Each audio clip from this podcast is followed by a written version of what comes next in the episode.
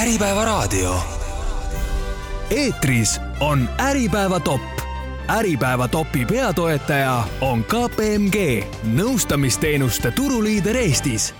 Te kuulate saadet Äripäeva top, see on meie traditsiooniline saade aga võiks öelda, et tänane saade on aasta kõige tähtsam saade, sest läksid mõned päevad tagasi, Äripäev tuli välja kolmekümnendat korda järjest oma siis sellise raamüritusega Äripäeva top sada, kus me nii-öelda kõvade näitajate järgi reastame sada kõige edukamat Eesti firmat. ja tänases saates katsumegi seda top sadat sünteesida ja võib-olla ka rääkida sellest, et mida peab üks Eesti ettevõte tegema, et sinna top saja hulka või lausa veel ettepoole pääse, pääsema. ja mul ongi saates kaks põnevat külalist, selle aasta Äripäeva top saja võitja, ettevõtte Eesti Gaas Margus Kaasik, tere Margus! tervist! ja Eesti kõige, ma ütleksin, kõige sügavam ja täpsem finantsanalüütik Hanno Lindberg KPMG-st. tere, tere päevast, tänud, tänud ja tere päevast et eh, kolmekümnendat eh, korda top sada, et siis väike kokkuvõte ka, et praeguseks on, on võitjad teada, Hanno, sa oled tegelenud siin selle sünteesiga, proovinud välja selgitada, milliseid trende me näeme, Eesti Gaas on võitja, aga Eesti Gaas on energiaettevõte ja kui me vaatame top kümmet, siis need energiaettevõtjad on sii-, on siin, on siin, on siin veel teisigi, et raadiokuulajatel oleks lihtsam, kogu topiga saab tutvuda Äripäevast, aga ma loen need kümme ette, et Eesti Gaas siis esimene,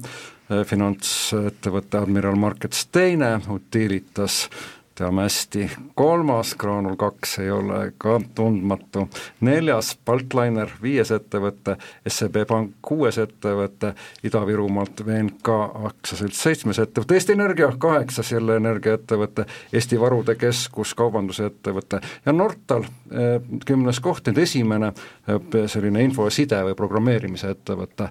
et ma hakkaksin Hanno oma sellise ajakirjaniku küsimusega peale, et tavaliselt nendes toppides oleme tehnoloogiaettevõtteid, aga eriti telekomi ettevõtteid igal aastal näinud, et need on siin nagu esimesest rivist on nad välja kukkunud, miks nii? nojah, ega ma peangi siin nüüd vaatama järjest, et uurin, et noh, Nortal oli nagu, Nortal on päris huvitav, et ta oli tegelikult kümnendal kohal ka eelmine aasta aga kui neid numbreid nagu vaadata, siis muidugi Nortalit tuleb kiita, et noh, ta käive oli eelmine aasta sada kakskümmend kaheksa miljonit ja kui me siis võtame kahekümne kolmanda aasta käive, siis me näeme siin sada üheksakümmend miljonit et noh, siin ilmselt kasum või midagi taolist, siin peab detailsemalt analüüsima, aga noh, sisuliselt Nortali on viiskümmend protsenti rohkem käivet, eks ole, no ütleme, et siiski Eesti IT-ettevõtte kohta, et sada üheksakümmend miljonit nagu käivet teha, et noh, et ma arvan, kui keegi oleks siin võib-olla veel viis või kuus või seitse aastat tagasi seda midagi noh, nagu taolist pakkunud, siis oleks nagu väga üllatav olnud, et noh, kui neid telkosid nagu vaadata, et jah, telkod on telkod on nagu allpool ja noh, minu isiklik interpretatsioon telkodest on muidugi selline, et noh, telkodest ei ole see pangalaine nagu üle käinud. et kui vaadata, et noh, meil mingi hetk kümme aastat tagasi öeldi ka, et noh, no way, eks ole, noh, Eesti eestlased suudavad mingit panka teha, et see on nii reguleeritud ja noh, nii edasi, nii kapitalimahukas ja ja, ja mitte midagi ei saa, saa nagu teha ja oi-oi-oi ai-ai-ai ja noh, käis selline, aga noh, tänaseks meil on, ütleme, et kaks edukat panka, LHV ja Coop, eks ole, noh, minu arvates, kes ikkagi on noh,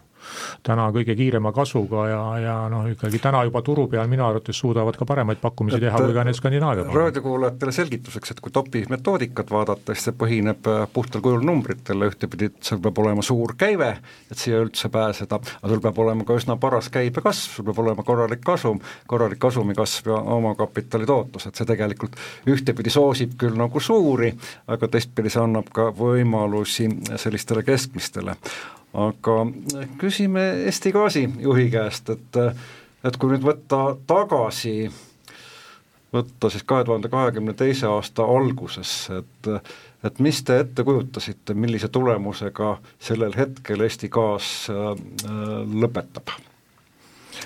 no tõele au andes, ega me ju sellist tulemust ei oodanud aasta alguses noh, aasta alguses vaatasime ette ju kui ütleme, suhteliselt tavapärasele aastale, noh tõsi, energiahinnad olid läinud kasvu juba seal kahekümne esimese aasta noh, ütleme, et keskpaigast alates ja see mõningad muret meile, meile valmistas, aga noh, laias laastus seal aasta alguses pigem hakkas, tundus, et asjad lähevad nagu, nagu normaalsemaks ja õiges suunas ja noh, siis juhtus see kahekümne neljas veebruar. Ja, ja läks täiemahuline sõda lahti, et, et eks meie jaoks seal aasta esimene pool kindlasti oli, oli pigem murelik, noh, mõeldes selle peale, et mis saab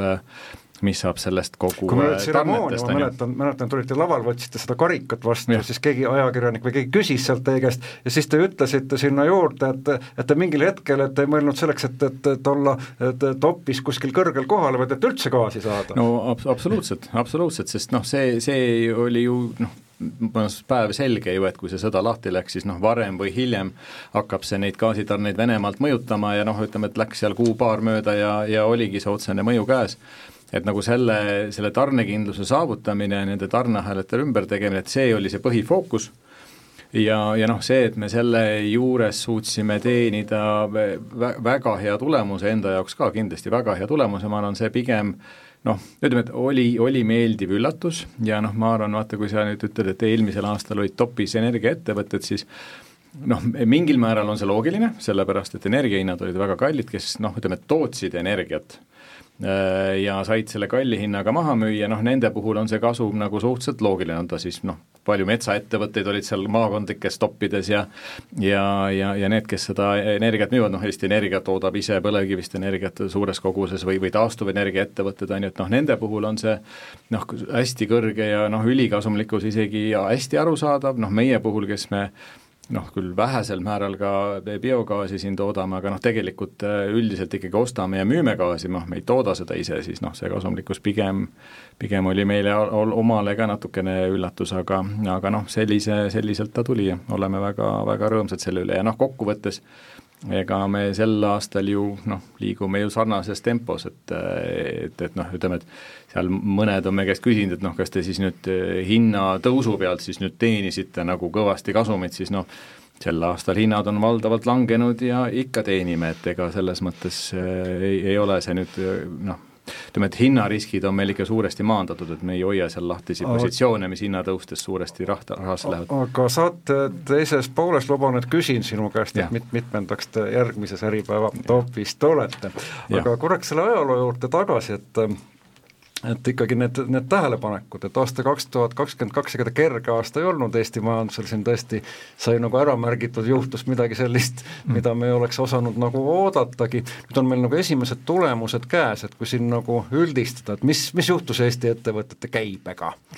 jah, ma enne nüüd vaatasin järgi ka siin nendest tabelitest, et üllataval kombel jah, et selle telko küsimuse vastan nagu täpsemalt ka ära, et telekomidest oli ja, jah, jah, telekomidest jah, sorry, mul on selline lühend, et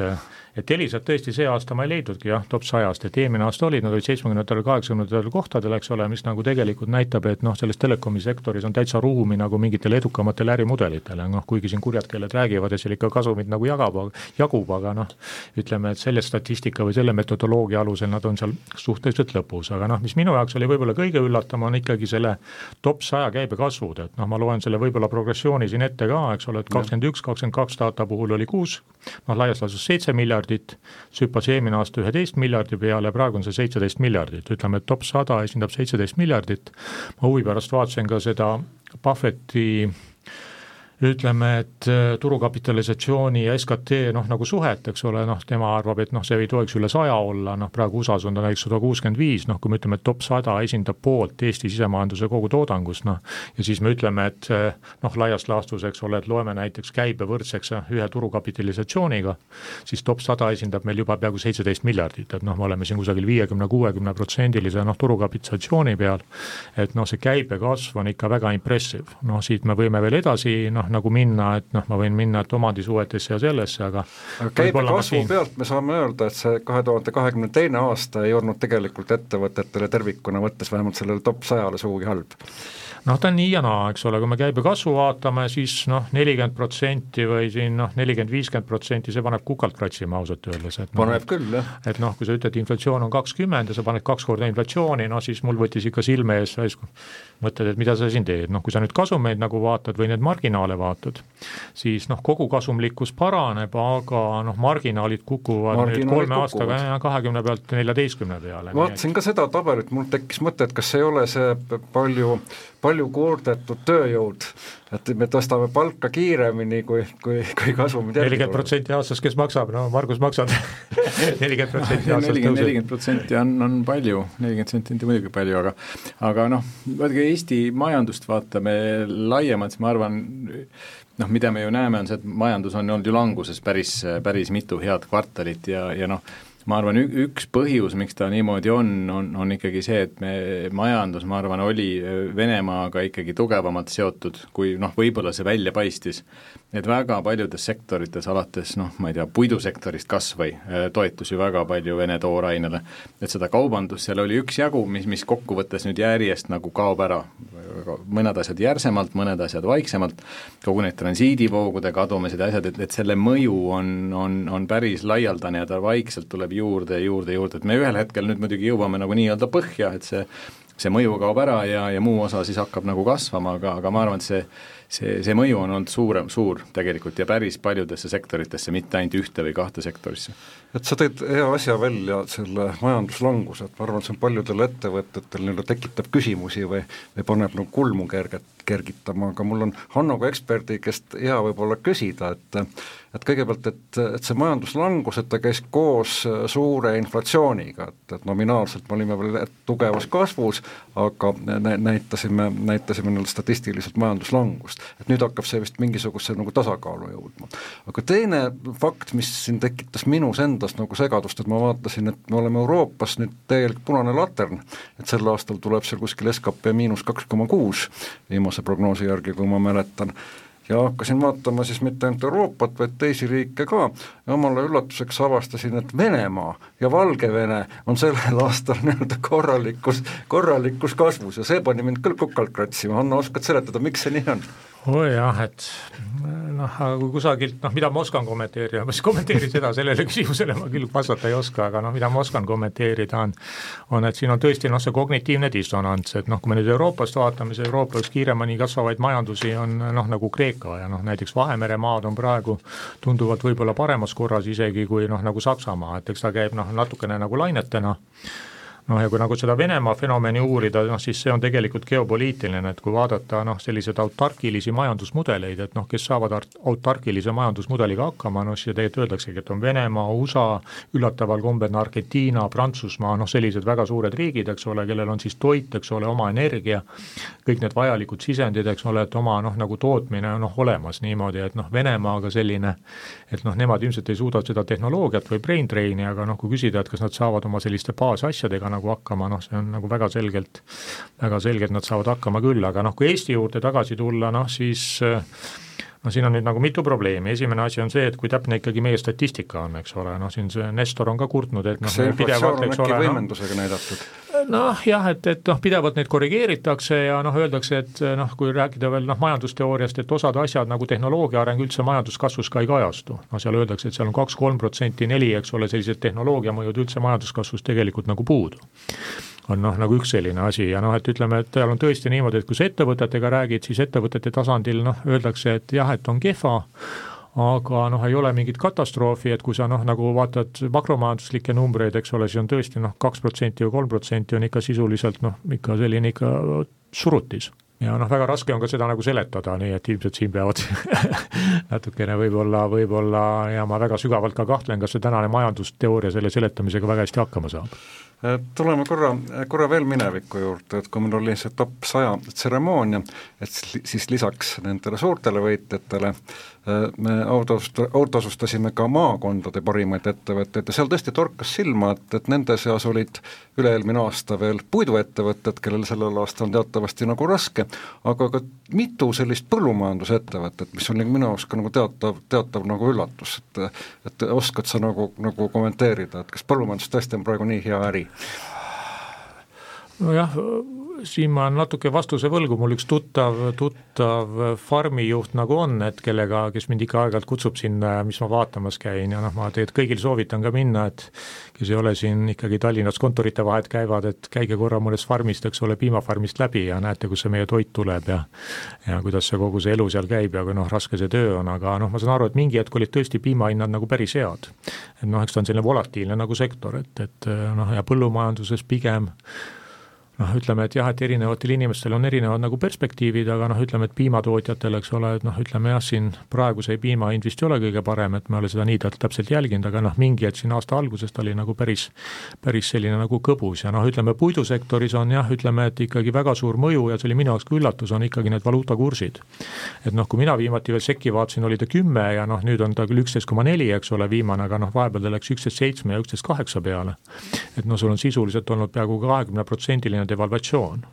no see on nagu päris suur ja noh, öeldakse, et noh, mul oli üks Rootsi kolleeg eelmine nädal külas, ütles, et tulge noh, Stockholmi shoppama, nii odav on, nii odav on, eks ole, taanlased kõik käivadki. et noh, meil on puidusektoris ja kui me vaatame, kuhu see eksport läheb, on väga suur ka no ütleme, valuutakursi mõju aga eh, küsime Margus Kaasiku käest ka, et kui korraks gaas ära unustada ja sul oleks nii-öelda endal vaba raha, et panna seda mingisugusesse Eesti majandussektorisse, siis mil-, millesse sa praegu selle, nende andmete baasil, kuhu sa pilgu pööraksid?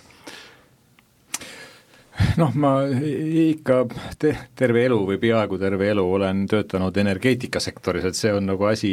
asi ja sektor, mida ma tunnen, et et noh, küllap ma ikkagi seda energeetikasektorit siis vaataks, kui Eesti gaasi ei saaks panna, siis paneks mõnesse muusse energeetikaettevõttesse, ilmselt vaataks sealt mõne järgmise parema välja. Aga, aga noh, see on valdkond, mis sa tunned, mida ma tunnen, et noh, kokkuvõttes ikkagi investeerimise juures ma arvan, üks kuldreegel on ikka see, et investeeri sinna, mida tead ja tunned, et eh, sinna, kuhu ei tea ega tunne, on tihtipeale raske, raske oma näppe toppida ja edukas olla Äh, kuulge mehed, ma vaatan seda nimekirja ja omale teatud nagu üllatuseks, et ma ei leia siit vähemalt eestpoolt ühtegi sellist startup taustaga ettevõtet, et kõik, kes nagu ilma teevad, on, on vanad tegijad, et et me oleme startup maa ja meil on siin omad Wise'id ja, ja Boltid tekkinud ja, ja veel, veel kümned teised, et, et kus nad siis kõik on? Ei, ma arvan, et sellega on ju väga lihtne, kui sa muudaksid kriteeriumi selliseks, et äh, võidab see, kes kõige rohkem raha põletab, siis ju oleks startup'id kõige ees, et noh, sa tahad ju kasumit vaadata ja, ja kasumi kasvu. aga noh, noh, aga kasum, startup ju ka võtab eesmärgiks ühel päeval ikkagi sellesse kasumisse jõuda ja, ja. ja mõned on ka jõudnud väga ilusasse kasumisse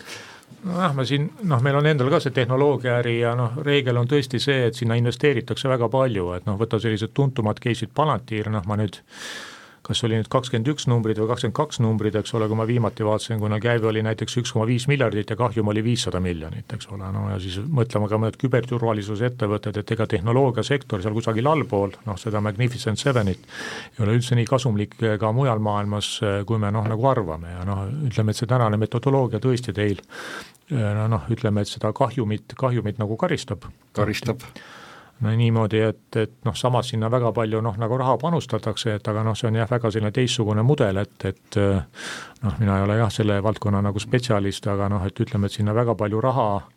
raha pannakse ja noh, ma arvan, Eesti seisukohast on jah, eks ole, see suurem küsimus, et noh, kas me jätkuvalt suudame seda raha siia meelitada. ma olen nõus, et nad ei ole võrreldavad, aga noh, meil on ka startup'ide jaoks nüüd oma metoodikaga ka teine topp ja me anname seal neid asju välja. aga ma pidasin silmas rohkem seda, et noh, ka startup ja kui see hakatakse investeerima, siis nagu et esialgne ettekujutus tegijatel on küll selline, et noh, ei ole ju igavesti startup. et mingisugusel hetkel ma pean hakkama kasumit teenima ja ma ootaks, millal need, need kasumiteenijad ka siia meie tabelitesse satuvad. noh, siin noh, me jõudnud ka seda detailselt analüüsida, aga noh, see rotatsiooni küsimus on see, et kas see noh, meie ütleme, see top sada on nüüd noh, jäänud nagu stagneerunud või mitte. noh, see on nüüd küll see küsimus mm, -hmm. et kas seal peaks olema rohkem liikumist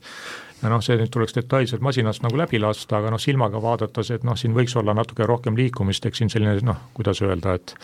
noh, dünaamikat, dünaamikat, mina tunnen tegelikult dünaamikast puudust, jah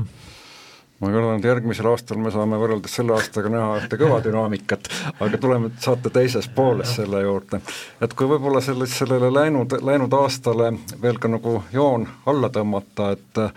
et meil natuke pooleli see jutt nendest kasumitest, et sa ütlesid, et kasumid, marginaalid ei ole enam sugugi nii kõrged, kui sa vaatad sellist nagu pikemat trendi, mina pakkusin välja, et see on äkki seotud tööjõuga, aga kas midagi veel, et, et kas me võime välja tuua nagu trendina, et kasumid olid juba kahe tuhande kahekümne teisel aastal teatud nagu surve all Eesti ettevõtetel? No see inflatsioon oli ju ka laiemalt kõrge, et noh, üks on,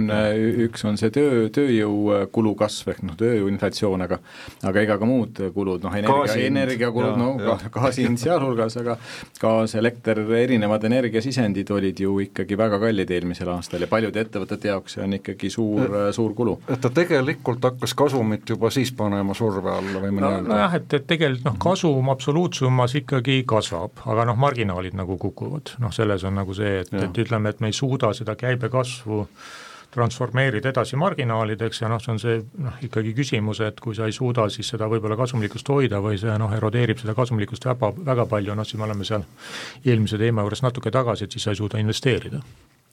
Äh, valdkondade juurde veel, et, äh, et siin nagu välja toodud, et kaubandus jätkuvalt ta domineerib, kaubandus meil noh, ei ole kellelegi saladus, on ka Eesti kõige suurem nii-öelda valdkonnapõhine sektor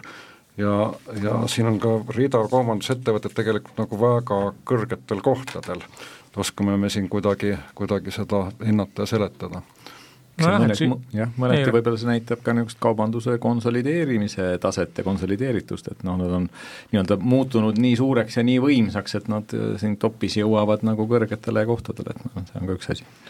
noh, et eks, eks ta noh, majanduse väiksuse tõttu see on nagu paratamatu, et no meil ütleme, et me tarbime ikka neid sisendeid ja kütust ja kõike noh, nagu väga palju tegelikult noh, ütleme, et noh, mõnes mõttes selline kaubandus, kui sa oled avatud kõrge impeksiga, noh impeks on siis eksport pluss import jagatud üle, üle GDP, noh, kui sa oled nagu kõrge, kõrge impeksiga nagu riik, et noh, siis sul paratamatult Eesti on noh, minu teada üks globaalselt üks kõrgema impeksiga, noh või tegelikult on jah, import-eksport järjest, et siis, siis on paratamatu, et kaubandus on sul kõrge, eks ole, nüüd on see küsimus, et noh, palju seda lisandväärtust seal tuleb, no see on nüüd selline omaette pikk, eks ole, heietamise koht, jah. Aga no ütleme, et kaubanduse all on ka siin noh, natukene klassifitseerimise mõttes puitu ja noh, teisi asju, nii et, et noh, jällegi, et küsimus on selles, et kui ta jätkuvalt kasvab, eks ole, seal on kasvutrend ja noh, midagi muud ei tule, et noh, ühel hetkel jah, et et kas me olemegi selline trading nation, eks ole, kui siis sellest ärimudelist rääkida, noh, see on selline noh, Inglismaa, kui rääkida, siis kui vaadata globaalset kaubandust, siis globaalse kaubandusega kõige paremini haagub tege-, haagib tegelikult Inglismaa. Ehk siis ta on nagu trading nation et noh, et me võiks ka küsida, eks ole, kas siis Eesti on nagu trading nation või noh, me oleme selline kauplemisriik. no me kindlasti olime, noh, ma arvan, me olime ju selgelt siin ida ja lääne vahepeal ja ma arvan, et seda rolli Eesti päris hästi on ju täitnud üle, üle aja ja veel viimase ajani, aga ma arvan, noh, ütleme, et küsimus on, mis selle perspektiiv nüüd tänases valguses on. nojah, et siin me enne ka arutasime, et noh, Margus ütles siin hästi, et noh, et, et ilmselt see Vene mõju alles tuleb, et noh, siis võiks teoreetiliselt võiks teha hüpoteesi, et kakskümmend kolm kaubandusettevõtete arv kukub noh, top sajas mm -hmm. vähemalt. praegu on kakskümmend üheksa, no ütleme, et kolmkümmend, kolmkümmend protsenti ja noh, ta on läinud kahekümne viie pealt kahekümne viie protsendi pealt kolmekümne peale, no eks need vahed nüüd nii ülisuured ka ei ole. me tuleme tuleviku juurde saate teises pooles, aga siia saate esimese poole lõpuks veel äh, ma loen välja ühe mõtte, mida sa, Anno, oled välja rehkendanud, et top kümme ettevõtet, et nad on olnud ettevaatlikumad kasumi jaotamisega või dividendide väljamaksmisega, mis sa siit järeldad? noh, järeldan nagu seda, et noh, investeerida tuleb, et, et noh, tegelikult need ärimudelid ja noh, topis sa oled, sul on ka suuremad investeeringud, noh, pikemaajalised, et noh, üks minu lemmikäritsitaate on tegelikult, pärineb Rupert Murdochilt, kes ütleb, et kui sul on vähegi võimalust, in-, investeeri kümneaastases perspektiivis. viieaastase, viieaastaste investeeringute turul on konkurente väga palju, noh, eks ütleme, kümneaastaste investeeringute turul on konkurente noh, väga vähe ja Rupert Murdoch tegutses just meed-, meediasektoris, nagu ka, nagu ka Äripäev. Saate esimeses pooles äh, rääkisime me siis top saja minevikust ja nüüd ma tahaksin siis kohe küsida Äh, Margus Kaasik, sinu käest, et kas Eesti Gaasil on nüüd nii-öelda need võimalused ammendunud, see top saja esikoht on nii-öelda võetud ja nüüd paar järgmist aastat näidatakse nagu sellist tagasihoidlikumat tulemust või on ambitsioon jätkuvalt väga kõrge? Ei noh, ambitsioon ikka on kõrge, no ma arvan, reaalsus, ma arvan, sellises äh, statistilises tabelis on see, et noh, seal on ikkagi hästi suur osakaal ka nendel nii-öelda kasvudel, käibekasvul ja kasumi kasvul, et noh, ütleme, et äh, aastaid järjest väga kiiresti kasvada mõlemas numbris on ikka äärmiselt keeruline. aga, aga ka sel aastal ma arvan, et me tahame teha ära korraliku tulemuse, noh, enamus aastast on selja taga, suhteliselt normaalne tulemus on paistmas kas sellest piisab esikohaks, noh, lõpuni kindel ei ole, ma arvan, siin on häid kandidaate sel aastal veel, kes on päris korralikult oma tulemust eh, kasvatanud, aga, aga ma arvan, et me teeme enda oma ära, jah no mina, mina kütaks ka siin ikkagi Eesti, Eesti gaasi nagu tagant, eks ole, noh et mina olen ka selline ikkagi natukene keskmisest suurem imperialistliku ärimudeli pooldaja, et noh, et, et kui sul on ikkagi võimalus ja raha, siis tuleks ikka kusagilt mujalt, eks ole, noh neid teistest riikidest, eks ole, et äri laiendada ja kokku osta ja noh, nii edasi, et et sellel laienemisel või agressiivsusel ikkagi äris on noh, ütleme, et ta on ka riskantne, aga kui sa ikkagi omas sektoris teed, et noh, ma arvan, et noh, ma näen võimalust, et Eesti gaas võiks ikkagi selliseks veel suuremaks, eks ole, noh kasvada. ei noh, see on selles mõttes tõsi, seda ma nagu toetan seda mõtet, mõtet, et noh, nii-öelda kes teeb, see jõuab, et, mm. et noh, reaalselt ongi see, et ega ega kes neid asju ette võtab, seda riski võtab, noh, kui vähegi normaalselt seda teeb, siis ta üldjuhul ikkagi äh, saab oma raha kenasti tagasi ja natuke peale ka, et et see on nagu tõsi ja noh, me oleme üksjagu investeerinud ju viimasel ajal ja, ja plaanime seda edasi ka teha, et no see on ka see kaubanduse tegelikult teema, et noh, kui me ikkagi suudame selle kapitali tööle panna, et noh, kui ma jõuan ka veel top saja juurde tagasi noh, minnes korra, et et noh, siin oli päris huvitav, et noh, top saja, sada on tegelikult nüüd eestlaste käes, eks ole, noh, mina oleks eeldanud ka seal rohkem nagu väliskapitali, kui vaadata seda väliskapitali osa, siis noh, tegelikult kuuskümmend 60 kuuskümmend üks ettevõtet sajast oli noh, siin võib ka muidugi vaielda, eks ole, et nii ja naapidi, eks ole. aga ikkagi siin, valdav Eesti kapital. noh, lai-, noh jah, see on nagu ma siin esimesega ette lugeda, kuuskümmend üks, kuuskümmend üks sajast, mis meie saime ja noh, kindlasti meil on siin mingid vead sees, oli nagu Eesti kapitali peal, noh number kaks on nagu Soome, Rootsi ja noh, siis tuleb Luksemburg, eks ole, Soome on kaksteist ja kaheksa. vaatad neid mahtusid, siis siin tegelikult mõned suuremad pangad ja ongi see väliskapitali kõige suurem osa. mahtu, ja täpselt, mahtude järgi on näiteks Rootsi teine, USA ja Soome kukub, see on nagu nii naljakas, et Soome kukub mahtude järgi alles viiendaks et noh, et noh, et kui me siin ütleme, et meil on Soomega noh, väga sõbralikud suhted, eks ole, ja noh, nii edasi, siis mahtude poolest Soome on meil suhteliselt marginaalne top sajas, noh, suhteliselt marginaalselt top sajas tegelikult esindatud. aga noh, vaadates korra tagasi, siis no ütleme, et see on ju väga äge, et noh, selle kolmekümne, noh Eesti kapital on ju kogunenud kolmkümmend aastat sisuliselt, no jämedalt. et noh, selle aja jooksul ikkagi on, on seda kapitali nii palju kogunenud, et, et selles topis on, on lõviosa eestlaste käes. no ja näiteks Lätis võiks, eks ole, olla ka Eesti kapitali noh, eks ole, võiks olla seal number kaks või number kolm, eks ole, noh kui ma ei tea, kas seal Lätis teete top sada, kui keegi teeb, siis võiks olla noh, seal kakskümmend näiteks Eesti kapitali ettevõtet, vot see oleks hea tulemus. aga ma ei saa kasutamata jõust, ma teen siit ühe väikse eh, kõrvalepõike, et kuidagi on juhtunud nii, et, et meie see top saja 100 saade ja, ja kogu see üritus on langenud kokku ühe teatud nagu suure sündmusega minu meelest Eesti majanduses, et äh, Infortar kuulutas välja avaliku emissiooni, et küsimus Margus Kaasikule, et kas see Infortari börsile tulek, kas see ka midagi nagu muudab Eesti gaasi nagu, nagu strateegias või mõtlemises või ambitsioonides, vastutuses kindlasti no vastutuses kindlasti mõjutab, noh energeetika on ju Infotari äridest üks äh, oluline tükk, et, et vastutus on kindlasti meil suur, äh, ma arvan, et ta äh, av-, avab meile ka mõningaid võimalusi, mõningaid uksi, ettevõte info, noh läbi Infotariga Eesti Gaas muutub äh, avalikumaks, paremini tuntuks, usaldusväärsemaks, et, et ma arvan, sealt tuleb palju asju kaasa, pluss ma arvan, võimalus ühel või teisel viisil ikkagi töötajatel saada osa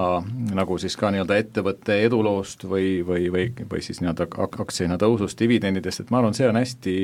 hästi kihvt värk, et sa noh, töötad nagu ettevõttes, milles noh, omad kas või ime pisikest tükikest, aga ikkagi sa omad mingit pisikest tükikest, ma arvan, see, see annab palju juurde, nii et ma selles mõttes olen küll hästi positiivselt meelestatud, et kuigi sellega tuleb juurde ka bürokraatiat ja kohustusi, igasugust jama, aga, aga noh, ma arvan, see netoefekt on noh, minu arvates küll kindlasti positiivne nojah, ma ka kommenteeriks üldiselt ikkagi kapitaliturgude perspektiivist, et eh, noh, on ikkagi väga selge korrelatsioon, eks ole, selle toimiva noh, kapitalituru ja majandusedu vahel, et noh, kui võtame USA, USA on kaks, noh, laias laastus kakskümmend protsenti globaalsest SKT-st või noh, globaalsest majandusest, aga noh, öeldakse, et on viiskümmend protsenti majandustegevusest läbi oma kapitaliturgude. Et noh, kui sa tahad mingit võlga osta, siis on see ainus võimalus suures mahus, sul ongi võimalus ainult USA võlga osta, sa ei saa osta Euroopast võlga, sellepärast Euroopa võlga ei ole, noh sa ostad kas Saksa või Itaalia ja hakka sealt kukalt kratsima. Äh, nii, aga mõtleme nüüd järgmise aasta topi peale, järgmise aasta top pannakse kokku juba siis kahe tuhande kahekümne kolmanda aasta tulemuste pealt ja selgub see siis järgmise aasta, aasta lõpus. Et, et mida me seal näeme, et, et minu selline ajakirjaniku esimene hinnang ütleb, et me näeme seal viite panka esikohal ja siis tuleb tükk tühja maad ja siis võib-olla Eesti Gaas või veel mõni. kas, kas teile ei tundu samamoodi? No pankadel läheb äh, hästi jah, ma arvan, et see intressitõus on neile päris hästi nagu kaasa, kaasa aidanud, noh tõsi, nüüd on, on ka igasugused hoiuse intressimäärad nagu järgi tulnud ja, ja, ja seetõttu võib-olla see marginaalsus, marginaalne tulu on, on grammikese vähenenud, aga, aga ma arvan, et pankadel läheb äh, hästi, jah. Aga no las ta läheb hästi, et ega on, on samamoodi ka ju hetki, kus neil läheb siis natukene kehvemini, et ega intressid langevad, intressid tõusevad, noh, ma olen siin paari pangaga rääkinud ja noh, nüüd ütlevad ka, et see on nagu väga üllatav, et et noh, neid kahjusid ei ole, noh, nad on jah, kakskümmend kolm tuleb ilmselt neil tippaasta, noh siis ütleme, et järgmine aasta juba jõuavad need hoiuste intressid järgi ja noh, ilmselt hakkavad ühel hetkel peavad hakkama ka tegelikult mingid sellised laenukahjumid tulema. aga noh, miks ei ole meil laenukahjumeid, see on nagu päris huvitav argument, eks ole, üks argument on seesama inflatsioon, et noh, ütleme, et kui su laenuintress läheb kas või ühe pealt viie peale, noh ütleme kodulaenu puhul, noh lihtsama näite puhul või noh, ütleme, et okei okay,, ettevõttel kolme pealt kaheksa peale või noh, mis võiks olla selline,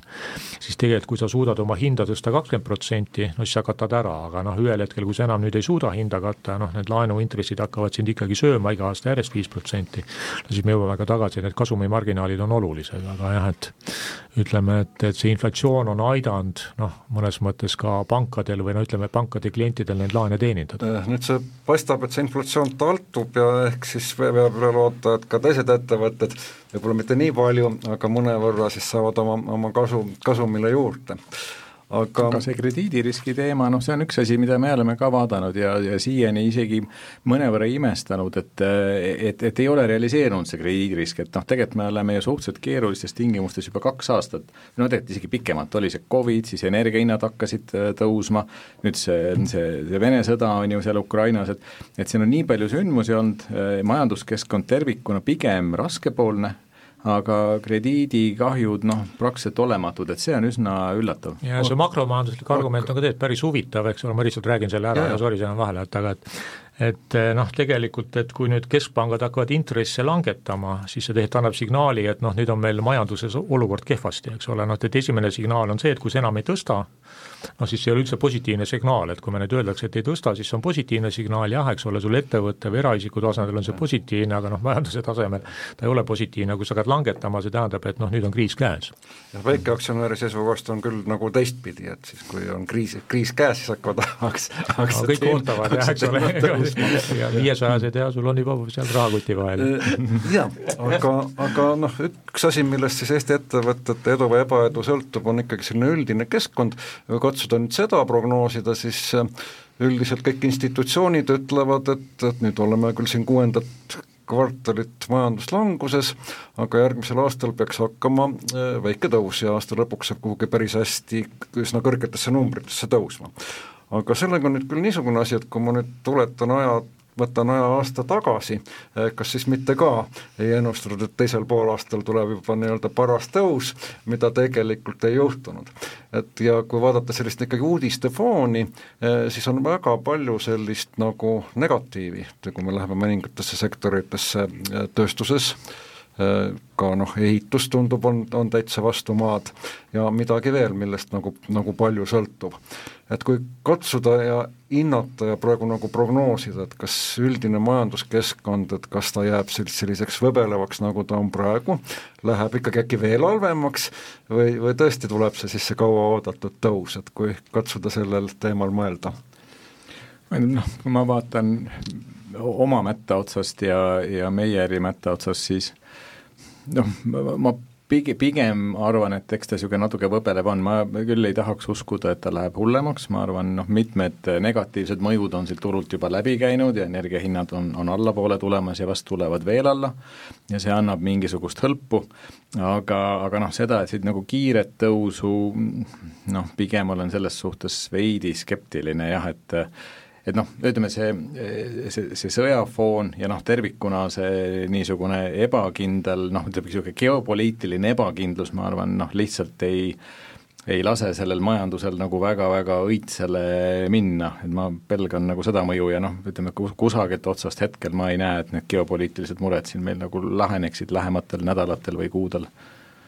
jah, et, et noh, ma pean andma siis sellise Kissingeri vastuse nagu natukene, noh Kissingeri vastus on see, et ajalooline vastus siis, et minu mälestus eelmisest kümnendist on niimoodi, et kevadel kõik arvasid, et noh, et küll tuleb hea aasta ja siis sügisel kõik konstateerisid, et ei tulnud, et kogu aeg oli nagu selline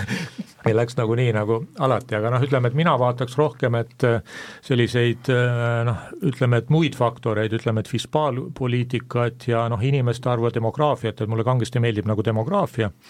Ja noh, demograafiat on ka noh, USA näitel hea seletada, et seal öeldakse, et nüüd see Y-generatsioon, kes praegu hakkas nagu tarbima nüüd kaheksa, kahekümnendate alguses, on tunduvalt suurem kui X-generatsioon, kes sealt nagu ära läheb. Ja see on ka üks inflatsiooni põhjustest, et neid inflatsiooni põhjuseid on teisi. Ja noh, siis ütleme, et kui USA sisuliselt nüüd, mina teadsin, et USA nüüd eelarve puudujääk see aasta on seitse koma viis, nüüd meile kusagilt lugesin, ma ei mäleta enam, öeldi, et lausa kaheksa, et kui sa nüüd kütad, eks ole, kaheksaprotsendilist noh, eelarve puudujääki, ma ei tea, mis Eestis on, eks ole, ja väidad, et siis sul ei ole noh, majanduskasvu, et öeldakse, et USA majandus on väga heas korras, no Eestis me oleme ka ikkagi tegelikult riiklike meetoditega noh, väga palju nagu raha juurde pumbanud, et noh, et see on nüüd see minu arvates see suur diskussioon, et mis on need välised mõjurid, demokraat, demograafia, noh, fiskaalpoliitika ja nii edasi, noh, ettevõtete minu arvates peamine funktsioon on ikkagi kohaneda nende tingimustega. No ega ettevõtted ei drive'i majandust, eks ole, noh, kuigivõrd nad nagu drive ivad, aga noh, ettevõtted on minu arvates ikkagi sellise tarvinliku noh, ütleme, et nagu kohanemise, kohanemise spetsialistid. üks väline mõju, mida ma arvan, keegi ei eita, on Ukraina sõda. Ja ta praegu on nagu põhjust arvata, et mingisugust leevendust siin järgmine aasta ei tule, võib ka asi koguni negatiivselt eskaleeruda, aga nüüd tulla siit Eesti majanduse juurde, et kindlasti Eesti majandus sai siit teatud löögi, seda me kõike nägime, lugesime neid lugusid, mis sellel teemal kirjutati, aga kas võiks praegu öelda, et, et see on kuidagi, et me oleme kuidagi adapteerunud selle olukorraga või tegelikult äh, ei, ei puuduta see meid enam nii valusalt, kui vaadata lihtsalt ettevõtete majandustulemusi? No me kohaneme, me kindlasti kohaneme, et noh, meie ettevõte on üks, kes on siin kohanenud, aga aga noh, kohanema peavad kõik, kellel ühe, ühte või teist viisi äh, on, on sellest sõjast olnud mõjutatud ja ja, ja siis noh, ütleme Vene, Vene siis impordi või ekspordi või mis iganes muu, muu äri lõppemisest, et et ettevõtted kohanevad jah, ja ma arvan, et äh, üks asi, mida enamasti äh, ju alahinnatakse, on ikka see ulatus, kui, kui hästi suudetakse kohaneda, et vahest küll alahinnatakse seda kiirust, aga, aga noh, tegelikult see kohanemisvõime ettevõtetel ja inimestel ka on ikkagi hästi-hästi suur, et selles mõttes ma olen pigem optimistlik. kas sa kolm aastat tagasi, kui sulle oleks öeldud, et, et Vene gaasi enam varsti ei ole, et kas sa olid selleks kuidagi valmis? ei noh, no kin-, kindlasti ei olnud valmis selles mõttes, et noh, me olime küll LNG-ga nagu toimetanud ja meil oli see kogemus olemas, aga aga noh, ütleme, et ega meie ettevõttes ka seda usku ju, et, et Vene gaas ära kaob, ju tegelikult ei olnud, sest noh, see oli kogu aeg toiminud läbi, läbi erinevate aegade, erinevate kriiside, kogu aeg need tarned ju toimisid ja, ja noh, ja noh, ma arvan, mis oli võib-olla mõnes mõttes kehva, et noh, ma arvan, me tegime, mis me tegime, on ju, aga aga noh, teisalt, kui ma vaatan nagu riigi retoorikat, siis see oli ju üsna niisugune noh, ikkagi Vene gaasi suhtes pigem negatiivne ja sellest pigem nähti julgeolekuohtu. Ja noh, see julgeoht realiseeruski, ehk siis noh, justkui, ähm, justkui oldi õiges, õiges arvamuses selles, selles osas, aga noh, ega selleks ka midagi nagu väga ei tehtud, et noh, ma ei tea, Leedu ehitas omale LNG terminali, noh, Eestis Paldiski terminali projekt nagu, nagu suri ära. ja noh, mõelda vaid, kui meil aasta tagasi tegelikult oleks olnud see terminali, terminal olemas, et noh, kuivõrd palju lihtsam oleks kogu elu siin Eestis olnud, kui palju oleks võinud olnud gaasi hind odavam ja mida kõike, et et noh, et eks sellest on natukene nagu kahju, et, et justkui oli nagu mõte, et, et seal on probleem, aga noh, tegelikult sellel ei, ei järgnenud mingit väga selget tegu noh, et kui Eesti majandust, noh, me oleme ikkagi nii väike, et noh, me sõltume sellest välisnõudlusest ja kõigist asjadest, kui seda suurt pilti vaadata, noh siis ütleme, mis on plusspoole peal. noh, plusspoole peal on ilmselt see, et, et noh, tehnoloogia teeb mingeid asju paremaks, et noh, meil on tegelikult ideed, innovatsioon on, innovatsioon on tegelikult need majanduse edasiviivad jõud. et noh, kui me aeg-ajalt ütleme, et me teeme mingeid tükke rohkem, siis see on ka oluline, eks ole, aga noh, tegelikult viivad majandust edasi noh, sellised tehnoloogilised läbimurded, noh, mis praegu noh, kõik loodavad sellise tehisintellekti või millegi peale, samas kui vaadata neid riske, noh siis see riskide nimekiri on seal, panna paremale mingid plussid ja vasakule poole panna mingid miinused, siis noh, seal selle miinuse poole peale jääb neid noh, ikkagi tegelikult väga palju, no ma rääkisin, et seal kui noh, USA ära kukub nüüd, eks ole, ilmselt nad järgmine aasta kakskümmend neli ka rõõmuga panevad veel oma defitsiiti edasi, noh kuna valimised tulevad, eks ole, noh ma küll ei tahaks uskuda, et nad siis ei kuluta aga noh, ütleme, et kui Saksamaad vaadata, noh Saksamaa suunalt tuleb ikkagi väga palju sellist noh, ikkagi noh, negatiivseid uudiseid ja kui Saksamaa meil nagu ära kukub siin Euroopas, siis ja vot siis on nagu kehvemini. tuleks korra selle positiivi juurde tagasi, et sa mhm. puudutasid tehisintellekti, et me tegelikult ju loeme neid tehisintellekti uudiseid ja noh, minule see haakub sellega, et noh, need õnnelikud, kes on õigel ajal ostnud Nvidia aktsiat või, või vaadata, mida nagu Microsoft teeb, aga kui ma küsin nii, et, et palju nagu Eesti ettevõtted või Eesti juhid juhid on, on valmis seda tehisintellekti nii-öelda reaalselt oma äris ikkagi juurutama lähiajal. Margus, kuidas sinuga on? oled tehisintellekti tööle pannud? Noh, ütleme, et ega me kriitilistes äriprotsessides igapäevaselt seda täna ei kasuta, kuigi ilmselt mingisuguses täitsa käegakatsutavas tulevikus on ambitsioon seda kindlasti teha, noh loomulikult kasutame niisuguseid chat GPT, GPT-laadseid asju, noh, ma ei tea, tõlkimiseks, mingite lihtsama info leidmiseks, milleks iganes ja selleks noh, ütleme see võimekus on tegelikult üllatavalt hea, noh, see tegelikult on hea ja noh, ma arvan, see ja mõelda noh, milline on see võimekus, mis nagu meil ei ole kättesaadav, aga kusagil, kellel on, kellelgi on kättesaadav, et, et noh, et, et selles mõttes eks ta noh, nagu Hanno siin ütles, et ohtude nimekiri, ma arvan, on arvestatavalt pikk, ma ei noh, kas me suudame kõike seda vältida, ma lõpuni kindel muidugi ei ole täna aga Anno, sinu tunne, et see tehisintellekti kasutamine, kui oluline see meile siin üldse no, on kuidas me, me siin valmis oleme? noh, me ise nagu eksperimenteerime täna ja noh, ütleme teatud protsessides, noh nõustamisfirmana me oleme saavutanud kahekümne kuni viiekümne protsendise efektiivsuse kasvu. noh, kui me vaatame nagu tunde, et, et noh, ta ei ole nüüd päris selliselt iga, igas protsessis sa ei saa kasutusele võtta, aga noh, väga selgelt tal on mingi mõju. noh, kui nüüd hüpata sellisele majandusteooria peale, et noh, et kas ta nüüd väga palju midagi mõjutab, siis noh, pikaajaline majanduskasv meil on ikkagi selline selline laias laastus noh, globaalselt kaks-kolm protsenti. Ja noh, kui vaadata, kui palju innovatsioone, tehnoloogilisi läbimurdeid ja noh, nii on tulnud, eks ole, siis mina usun ka tegelikult seda teooriat, et tehisintellekti meil on vaja selleks, et me suudaksime, suudaksime jätkata selle kaheprotsendilise majanduskasvuga. Kui keegi väidab, eks ole, sellest sünnib mingi ime, noh siis mina nende optimistide seas tegelikult nagu ei ole et see on nagu eeldus selleks, et meil üldse majandus edasi kasvaks, meil on vaja neid tehnoloogilisi läbimurdeid, et me suudaks selle kahe protsendikagi hakkama et saada. suurt imet sealt ei tule, aga kui sa selle tegemata jätad, siis on ikka pahasti no, no ei, no kindlasti ta palju protsesse nagu muudab, eks ole, noh efektiivsemaks praegu juba öeldakse, et noh, näiteks need äh, perenõustajad või midagi taolist, et chat-GPT on palju kaastundlikum ja nii edasi, annab paremaid vastuseid, eks ole, et kui alati pidid kirjutada mingile doktor Normanile, ma ei tea kellelegi, eks ole, et saada nõu, siis praegu öeldakse, et noh, eks ole, selline noh, et ütleme, et tehisintellekti nõustajad on palju nagu sellised inimlikumad. noh, eks see ai on ju lõpuks nagu noh, ikkagi ütleme, et tööriist või tahaks loota, et ta on ikkagi nagu tööriist, et, et selles mõttes peab olema tööriistal ka kasutaja ja oskama seda kasutada, tahtma kasutada ja keegi, kes suudab seda riista kasutada, noh, suure tõenäosusega on efektiivsem kui see, kes teda ei kasuta ja, ja siis ka edukam, et et, et eks see, see on nagu tõsi, et ma arvan, seda ai-d ja tehis, noh, tehisintellekti järjest rohkem hakatakse kasutama. ja saate lõppu üks viimane teema teile, teile mõlemale, et me ajakirjanikena siin paneme tähele, et väga suur nõudlus on tekkinud kõikide artiklite järgi, kus on sees sõnad roheline, jätkusuutlikkus, tegemist on tõenäoliselt megatrendiga, aga siin nii-öelda arvamused polariseeruvad, mõned ütlevad, et see paneb majanduse käima, teised ütlevad, et see võtab majandusest nagu, nagu tüki ära. Eh, kuidas sellega tegelikult on või kuidas ala, algavad, algaval aastal või lähenevatel aastatel Eesti ettevõtted peavad sellesse jätkusuutlikkuse küsimusse suhtuma? no mina arvan, et see jätkusuutlik on, jätkusuutlikkuse teema on päriselt õige ja tõsine teema noh, kus ma nagu reaalselt näen probleemi, on, on, on see, et